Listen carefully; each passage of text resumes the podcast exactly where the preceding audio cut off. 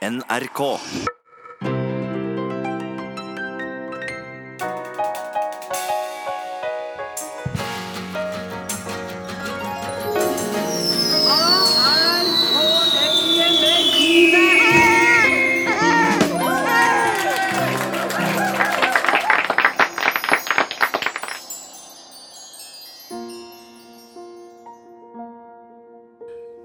Hva er poenget med livet? Og hva skal jeg bruke mine kanskje 90 år til? Jeg har de siste ukene møtt mennesker med ulike tanker og meninger om hva man skal bruke livet sitt til, og tiden sin til. Eh, Jeg liker ting som har mulighet til å utvikle seg. Jeg mener liksom at det er det minste du kan du skylder verden, er å gidde å gå bort til saudi-arabiske ambassaden og holde appell. Eh, Når du- du spør meg om hva meningen med livet er, så dukker det opp en sang 'Gud har en plan med ditt liv'. Man går og kverner på det i hodet om igjen og om igjen. Hvorfor gjorde jeg ikke det? Hvorfor gjorde jeg ikke det? Maleren Vebjørn Sand, som jeg møtte i trykkeriet sitt på Nøtterøy, syns 90 år er lite. Han har det travelt fordi han har så mye å gjøre. Utrette. Han er aldeles ikke i tvil om hva han skal bruke hvert eneste våkne minutt til. Han står opp om morgenen og tar seg en kort dusj, rett i klærne og bort til penslene. For meg så passer det å, å kunne mm, disponere dagen helt å kunne stå opp om morgenen og ikke være forstyrret og vite at ingen skal forstyrre meg, ingen skal plage meg, og ikke noe frem til klokken tolv om kvelden. Han er heldig. Han slipper å gruble på meningen. Han har et hav av bilder og prosjekter inni huet som han må rekke å virkeliggjøre før han dør. Men hvis du ikke har det, da, og ikke finner noe mening, syns alt er litt grått, og så sier folk ja, begynn på et kurs, lær deg noe nytt, og så bare hæler du ikke det. Finner liksom ikke noe poeng med ting.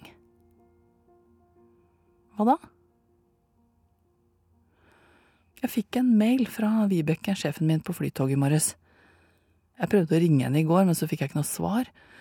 Og det gjaldt tekstene som jeg leverte henne. Og hun skriver Hei, Kirsti. Ser du har ringt? Jeg satt i ledermøte her, så jeg fikk jo ikke tatt den. Smilefjes med sur munn. Jeg har dessverre ikke rukket å lese gjennom tekstene dine, men har satt av tid i ettermiddag. Gi lyd seinere, Vibeke. Såpass. Good morning, ladies and uh, gentlemen. Welcome aboard on this Norwegian flight for Stavanger. It's from the cockpit. We are Jeg sitter på fly til Sola. Expect the flight to about 40 minutes. Beautiful weather all the way over to Stavanger. Same Jeg lurer på om piloten har tenkt på det på en stund. Hva er poenget? Her har han flydd fram og tilbake mellom Oslo og Stavanger, Oslo og Bergen, Oslo og Trondheim. Dag etter dag. Det er jo samfunnsnyttig, og han hjelper jo folk å komme dit de skal, men er det dette han hadde tenkt å bruke livet sitt til? Sitt eneste liv? At han skal bruke det her oppi denne trange cockpiten? Ja. kom det inn en melding fra Ann Johanne. Det var bra, rett før jeg skal sette på flymodus. Jeg venta på den meldingen fra Ann Johanne, altså.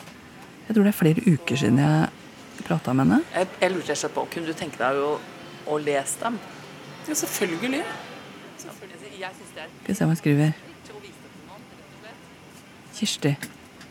Dette ønsker jeg meg mer av. Du etterlater et spor av deg sjøl. Dette pirrer min nysgjerrighet. Hilsen Anne. Johanne. Det var fint, da. Jeg er på vei til Målfrid. Hun bor i Sandnes. Jeg må nok tune meg litt inn på å møte henne nå. Hvordan er dagen i dag sett fra hennes kjøkkenvindu?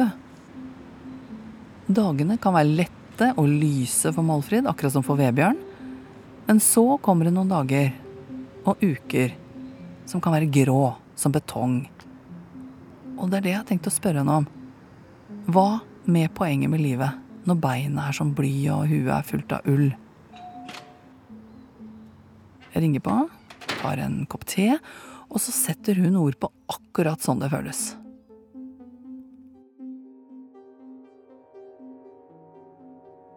hvorfor skal du stå opp?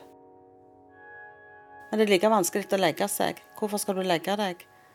For å bare sove, forhåpentligvis, og våkne og stå opp igjen. For det å være oppe og for å legge seg igjen. Altså, hva er poenget?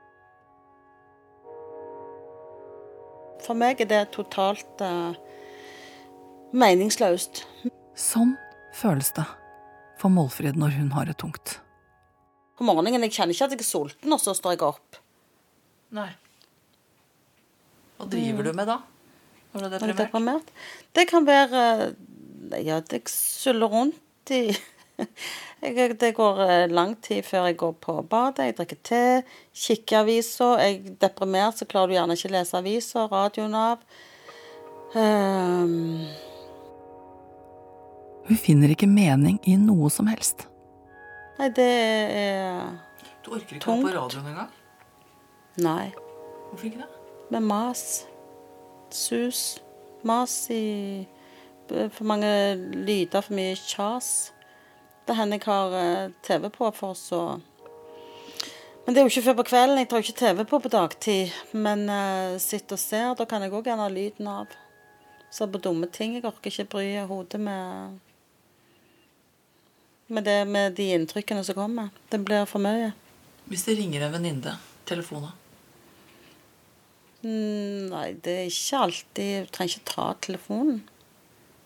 Hvis det er noe viktig, så kan de ringe opp igjen.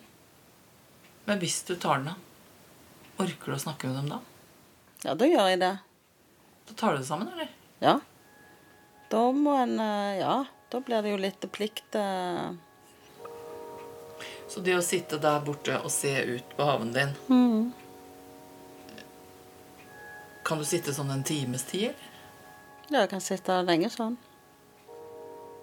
Og så venter en på eh, at tida skal gå. På klokka sånn, så kan du gjøre det. Ja vel. Så venter du gjerne på mannen som kommer hjem fra jobb, og så venter du på at du skal legge deg, og så legger du deg, så venter du på at du skal stå opp. Det er mye venting. Da tida føles Tida oppleves som å gå seint. Tenker da- du dette går ikke over. Er det sånn du føler Jeg tenker nok sånn, og så blir det, det, det, sant, så blir det mos, Jo, jeg vet det går over. Hvis jeg begynner å reflektere over det, så vet jeg jo at det går over. Selv at en føles som at det ikke gjør det. Da begynner jo grubleriet med hva er meningen med livet, altså hva er vitsen med eh, med det hele. Altså hva er, hva er poenget? Det er sånn som skal du Og da har du tenkt at det ikke var noe vits i? Ja, da, da tenker en jo gjerne det, at det ikke Det blir for tungt. En orker ikke mer. En orker ikke leve lenger. Mm. Du har hatt det sånn? Ja. Mer enn én gang? Mm. Men én ting er å tenke det. En annen ting er å gjøre et forsøk på å avslutte livet. Det er, kan være veldig skremmende. Eh, både for andre og òg for en sjøl. Og det er jo ikke lett for andre rundt henne å forstå hvordan depresjon føles, og hvorfor hun får selvmordstanker. Men det er så viktig for meg at de aksepterer at det er sånn, sier hun. Det er lettere å leve med hvis folk bare aksepterer det, og ikke må forstå det. For de kan ikke forstå det, sier hun. du, eh, En får jo så dårlig samvittighet òg, for at du, du uh, Innerst inne så vet en jo at det er noen som trenger deg, men der og da så føler en jo at de, du ikke, de ikke gjør det. Altså du er til, du er til bry for uh, ungene dine, en føler seg til bry for uh, ektefelle, en føler seg til bry for venner og familie. Det er bedre for alle hvis en bare uh, forsvinner. Så er det, er det ferdig.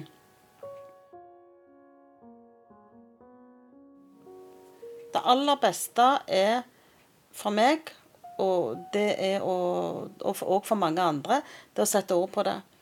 For når du setter ord på det, så har du Da opplever jeg at jeg har delt byrden, og da blir det mye lettere å bære. Og hvis du blir avfeid, og dette er ikke noe en skal snakke om, her skal du snakke om livet og ikke døden, så tror jeg det fort kan gå galt, for da blir det bare en ekstra byrde. Og hvorfor skal du snakke om livet når det er døden som opptar deg? Da må du jo få lov å snakke om døden. Ja, det er akkurat du tar brodden av det som som gjør så vondt å trykke. Mm. Det er jo det. noe utrolig møkk at du må sitte borti den stolen der. Du er levende, fantastisk menneske.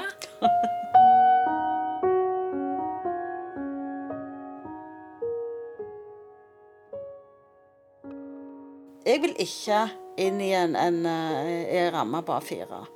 Jeg vil ikke inn i ei ramme på A3. Og kommer aldri til å være der. Og Om sommeren så lakker jeg neglene på føttene.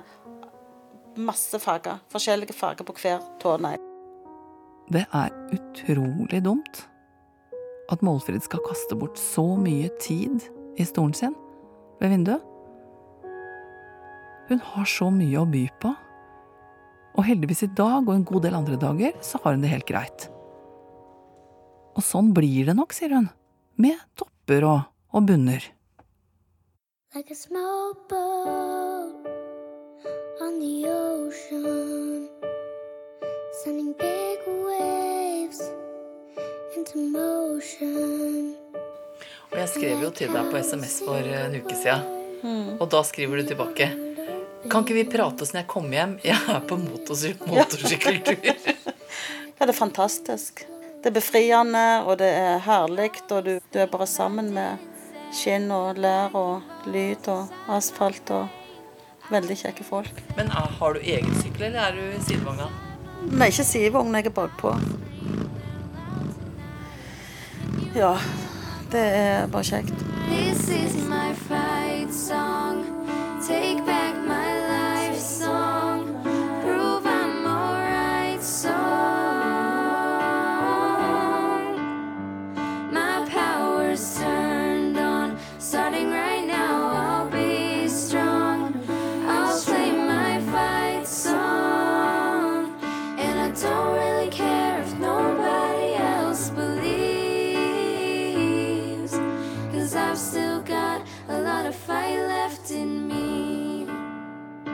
Når jeg står i køen eh, inn på flyet hjem til Oslo, så ser jeg i den der glippa, når man går fra den lange korridoren og inn på selve flyet, at det er trykt et bilde på flyhallen.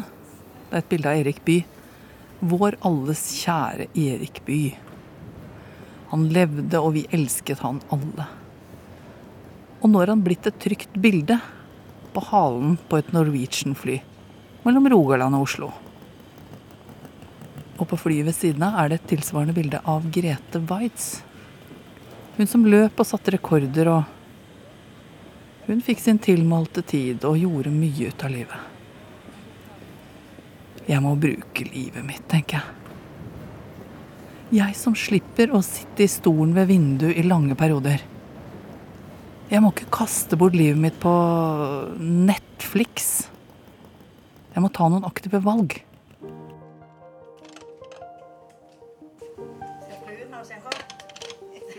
Om jeg skal ha hatt. Flott Jeg italiensk. husker noen eldre damer jeg møtte tilfeldig på en brukthandel på Danmarksplass i Bergen da jeg var der. Jeg kikket på kopper og kar og alt mulig rart. Og så kom jeg i snakk med dem. Og så spurte jeg den eldste som het Ingeborg, om hun kunne si meg hva poenget med livet var. Hva er meningen med livet? Det var et veldig vanskelig spørsmål i grunnen. Ja, tenker du ikke på det? Jeg tenker i grunnen ikke på det.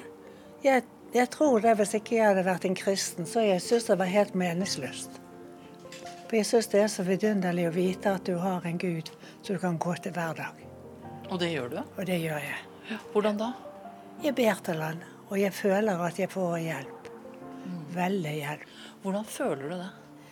Jeg føler en trygghet, og jeg føler en trøst, og jeg føler Jeg, bare, jeg husker en gang så, så ba jeg om eh, om jeg hadde mistet eh, brillene mine. Og jeg var ganske fortvilet og skulle på kontoret. Og jeg er ikke kul om jeg fant brillene. Og så, og så sier jeg kjære Gud, du må hjelpe meg å finne briller, for du vet jeg skal møte på kontoret i en sånn konferanse da og da. Og jeg ble helt fortvilet. Og så, så er det noen som sier lett på den røde puten, på en måte. Bare sånn. Bare tankene kom. Lett på den røde puten. Og jeg gikk inn i sofaen jeg, og så lette jeg på rødputen, og der lå de under der. Hvem var det som sa det Det da? var ingen som, det var liksom bare en tanke som jeg hadde bedt. Og så kom den tanken. Og der lå brillene. Hun var så sikker i sin sak. Hun hadde Gud med seg i livet, og det var nok. Behøvde ikke å tenke noe mer over meninga da. Jeg kjenner vel at jeg er litt delt i entusiasmen over en gud som finner briller bak puter. Hvis det blir for mye puteløfting å holde på med for Gud, så er det ikke rart at det er krig i verden eller urettferdighet. Hva med å prioritere litt Gud?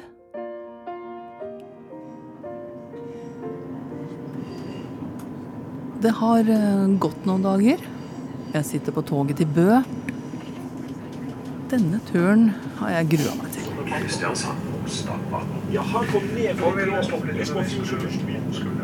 Er det mulig? Jeg hører ikke hva han togmannen i høyttaleren sier, for han på den andre siden av midtgangen prater i telefon hele tida.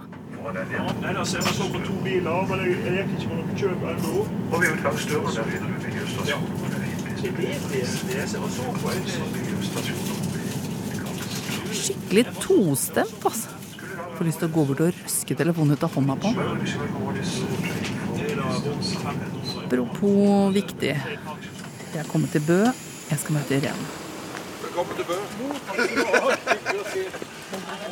Der er hun. Ja, Irene er jeg. Irene Hestvik Bøen. Jeg har sett et bilde av henne. Irene har et åpent ansikt. Hun bor på en flott gård sammen med mann og to døtre i begynnelsen av 20-åra. Kjøkkenet er så stort at det kan sammenlignes med en toroms på Majorstua. Et stort slagbord, plass til mange rundt. Irene har laget blomkålsuppe, og det lukter i hele huset.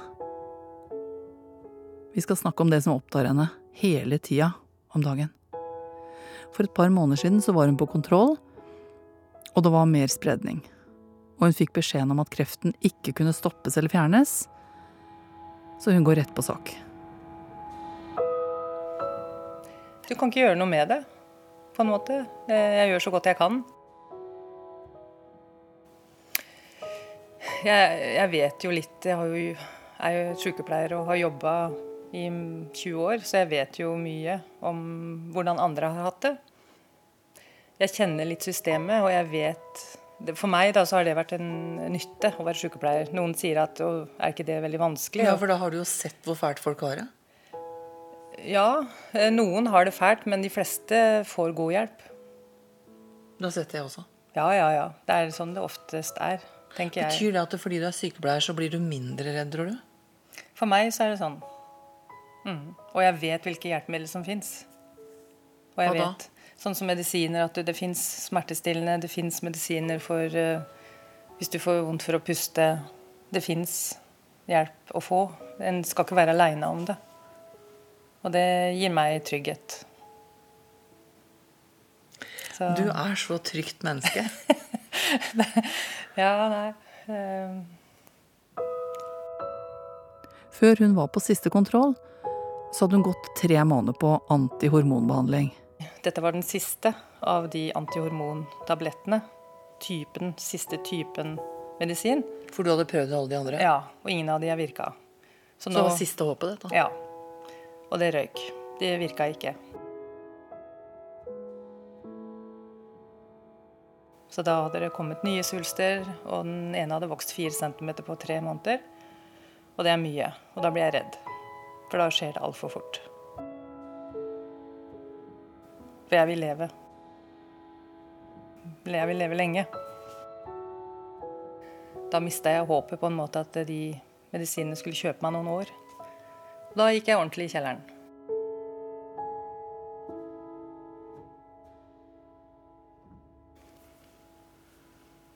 Men tør du å tenke på døden? Ja, den har jeg tenkt på mange ganger. Vet du hvor lenge det er til? Nei, det vet jeg ikke.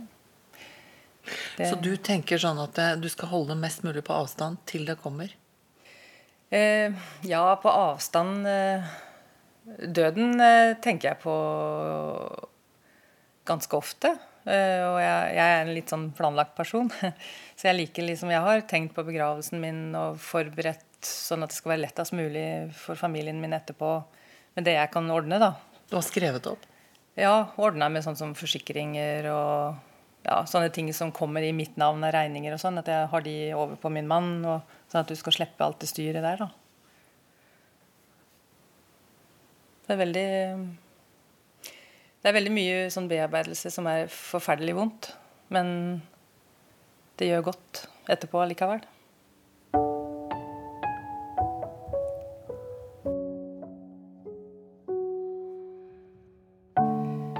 Jeg tenker at eh, det, det vonde med å dø for meg, er at de andre får det vondt. For jeg blir jo bare død. Jeg blir borte, liksom. Da begynner jeg å gråte. Hva er det du gråter for, da? Jeg har ikke lyst til å dø.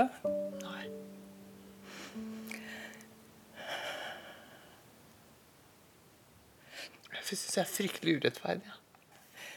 Ja, det er, men urettferdighet, det, det er det så mye av, liksom. At, det, at det, jeg, jeg føler ikke at det er urettferdig at jeg har fått det, og, ingen, og ikke liksom, Hvorfor har akkurat jeg fått det? Jeg har jo levd sunt i hele mitt liv og trena og spist det jeg skal. Og, men det, det er ikke sånn det fungerer. Det er tilfeldig. Så jeg er ikke bitter eller noe sånn. Noen ganger så har jeg ønska å vite hvor lenge er det. For det er frustrerende å, vite, å ikke vite, liksom. Kan jeg planlegge den turen til høsten? Får jeg oppleve 18-årsdagen til dattera mi? Får jeg oppleve bryllupet til jentene mine? Skal jeg forte meg nå med å, å invitere alle, eller kan jeg vente til jeg har bursdag? Du vet ikke. Det er jo sånn at jeg skal dø òg. Mhm. Jeg bare vet ikke når. Mhm. Og det orker jeg ikke tenke på. Nei. Nei, for det er nok veldig vanskelig for mange. Og det letteste er jo å ikke tenke på det. Bare å gå videre. Ikke gå inn i den døra. Men hvordan skal man få et uh, avslappa forhold til det at uh, Jeg tenkte på det når jeg gikk over Oslo S, der møteplassen der hvor det står så mange folk og ser Mm. på hvilket tog de skal ta. Mm. Plutselig så tenkte jeg alle er dødsdømt, tenkte jeg. Ja. Alle som går rundt her. Ja. Og det gikk jo sånne menn med eh, sånn kofferter og fine dresser og Mm. tenkte jeg, du kan bare vite det med en gang. Du Mm, er dødsdømt. Ja. Det var sikkert fordi jeg skulle til deg at jeg tenkte på det. Ja. Og vi tenker, ikke, vi tenker ikke på det, vet du. Nei. Så jeg hadde grua meg litt til å møte deg, for jeg, jeg kjenner at det, jeg møter min egen Mm. skjebne i det. Mm. Syns det er rart teit å høre at liksom en som er frisk, sier sånn til deg? Nei. Nei, jeg syns ikke det er rart i det hele tatt. Og så vet man jo ikke hva det er å dø. Hva tror du det er? Jeg tror at du sovner inn, og så blir det mørkt, sånn som det var før du ble født. Altså som om å legge seg om kvelden, Ja. og så bare blir det litt svartere? Ja. Jeg tror du slutter å føle. Eh, For vi Hvis vi var noe før vi ble født, da, så husker vi jo ikke noe av det heller. Og sånn tror jeg avslutningen er òg. Jeg tror det er det samme i før og etter, og så lever vi på midten. Er du aldri redd? Nei, ikke redd. Jeg kan bli vemodig. At jeg ikke kan være en bestemor, sånn som min mamma har vært bestemor for mine barn. da. Og støtte for meg. Det gjør meg lei meg. Og jentene dine er 19 og 21 år nå. Ja. Mm. Ingen syns det er lett å dø ifra barna sine. Og de, hvis du vet at de har mennesker rundt seg som kan hjelpe dem, så er det trøsten, da. Er det sånn du tenker? Han kan bidra, hun kan Mm, bidra. Mm. Og når ting nærmer seg, så kommer nok jeg til å snakke litt med utvalgte eh, om at de kan ta et ekstra ansvar. Så du rydder opp i det òg?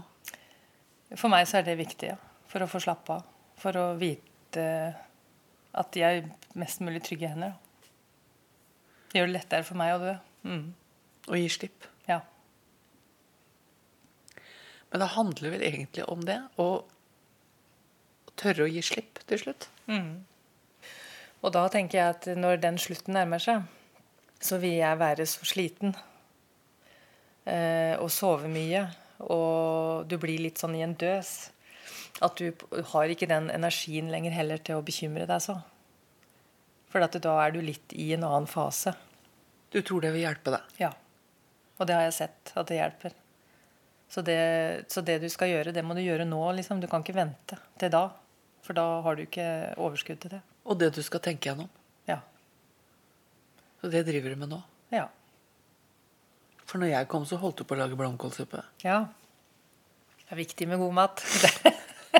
Det er kjempeviktig. Det er eh, mye kos og veldig bra for kroppen med god mat. Mm. Irena er et utrolig menneske. Hun setter over blomkålsuppa igjen, og så siterer hun noe som har betydd mye for henne i denne prosessen.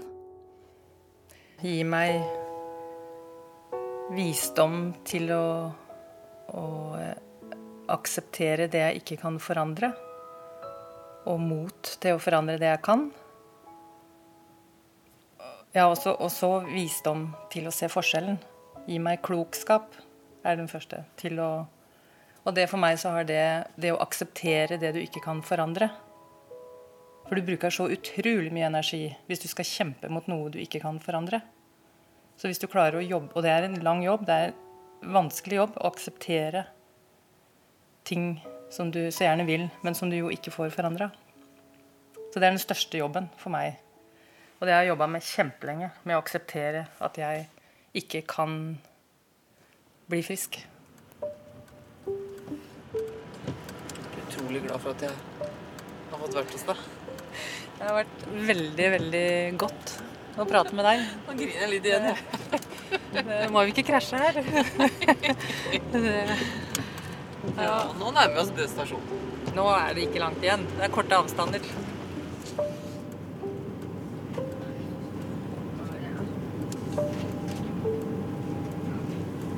På toget tilbake tar jeg fram mobilen igjen. Jeg er så sint. Jeg har behov for å skrive litt. Hør her. Vi kan ikke ha det sånn at noen dør midt i livet. Det er ingen løsning. Her må det tenkes nytt.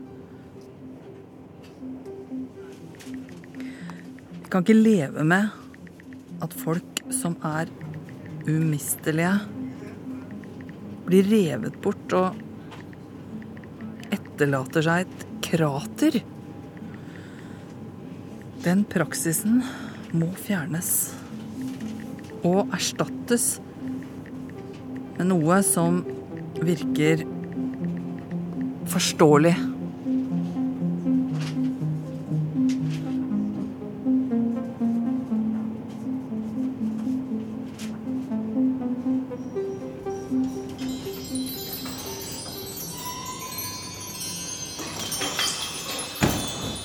I neste uke tar Kirsti med seg Instagram-poeten og rockesangeren Trygve Skau ut i parken. Du, jeg kom på nå. Har du gitaren i bilen? Ja, Kunne du tenke deg å hente den? Hvilken låt vil du høre da, tror jeg? Eller hvilken Nei, det må, vi, det må du tenke på på vei bort til bilen. Det går an, det. Du, Ja, er, det er det litt over kanten å mase på Det er deg nå? koselig, det. Ja. Hva er poenget med livet? I femte og siste episode må vi finne svaret.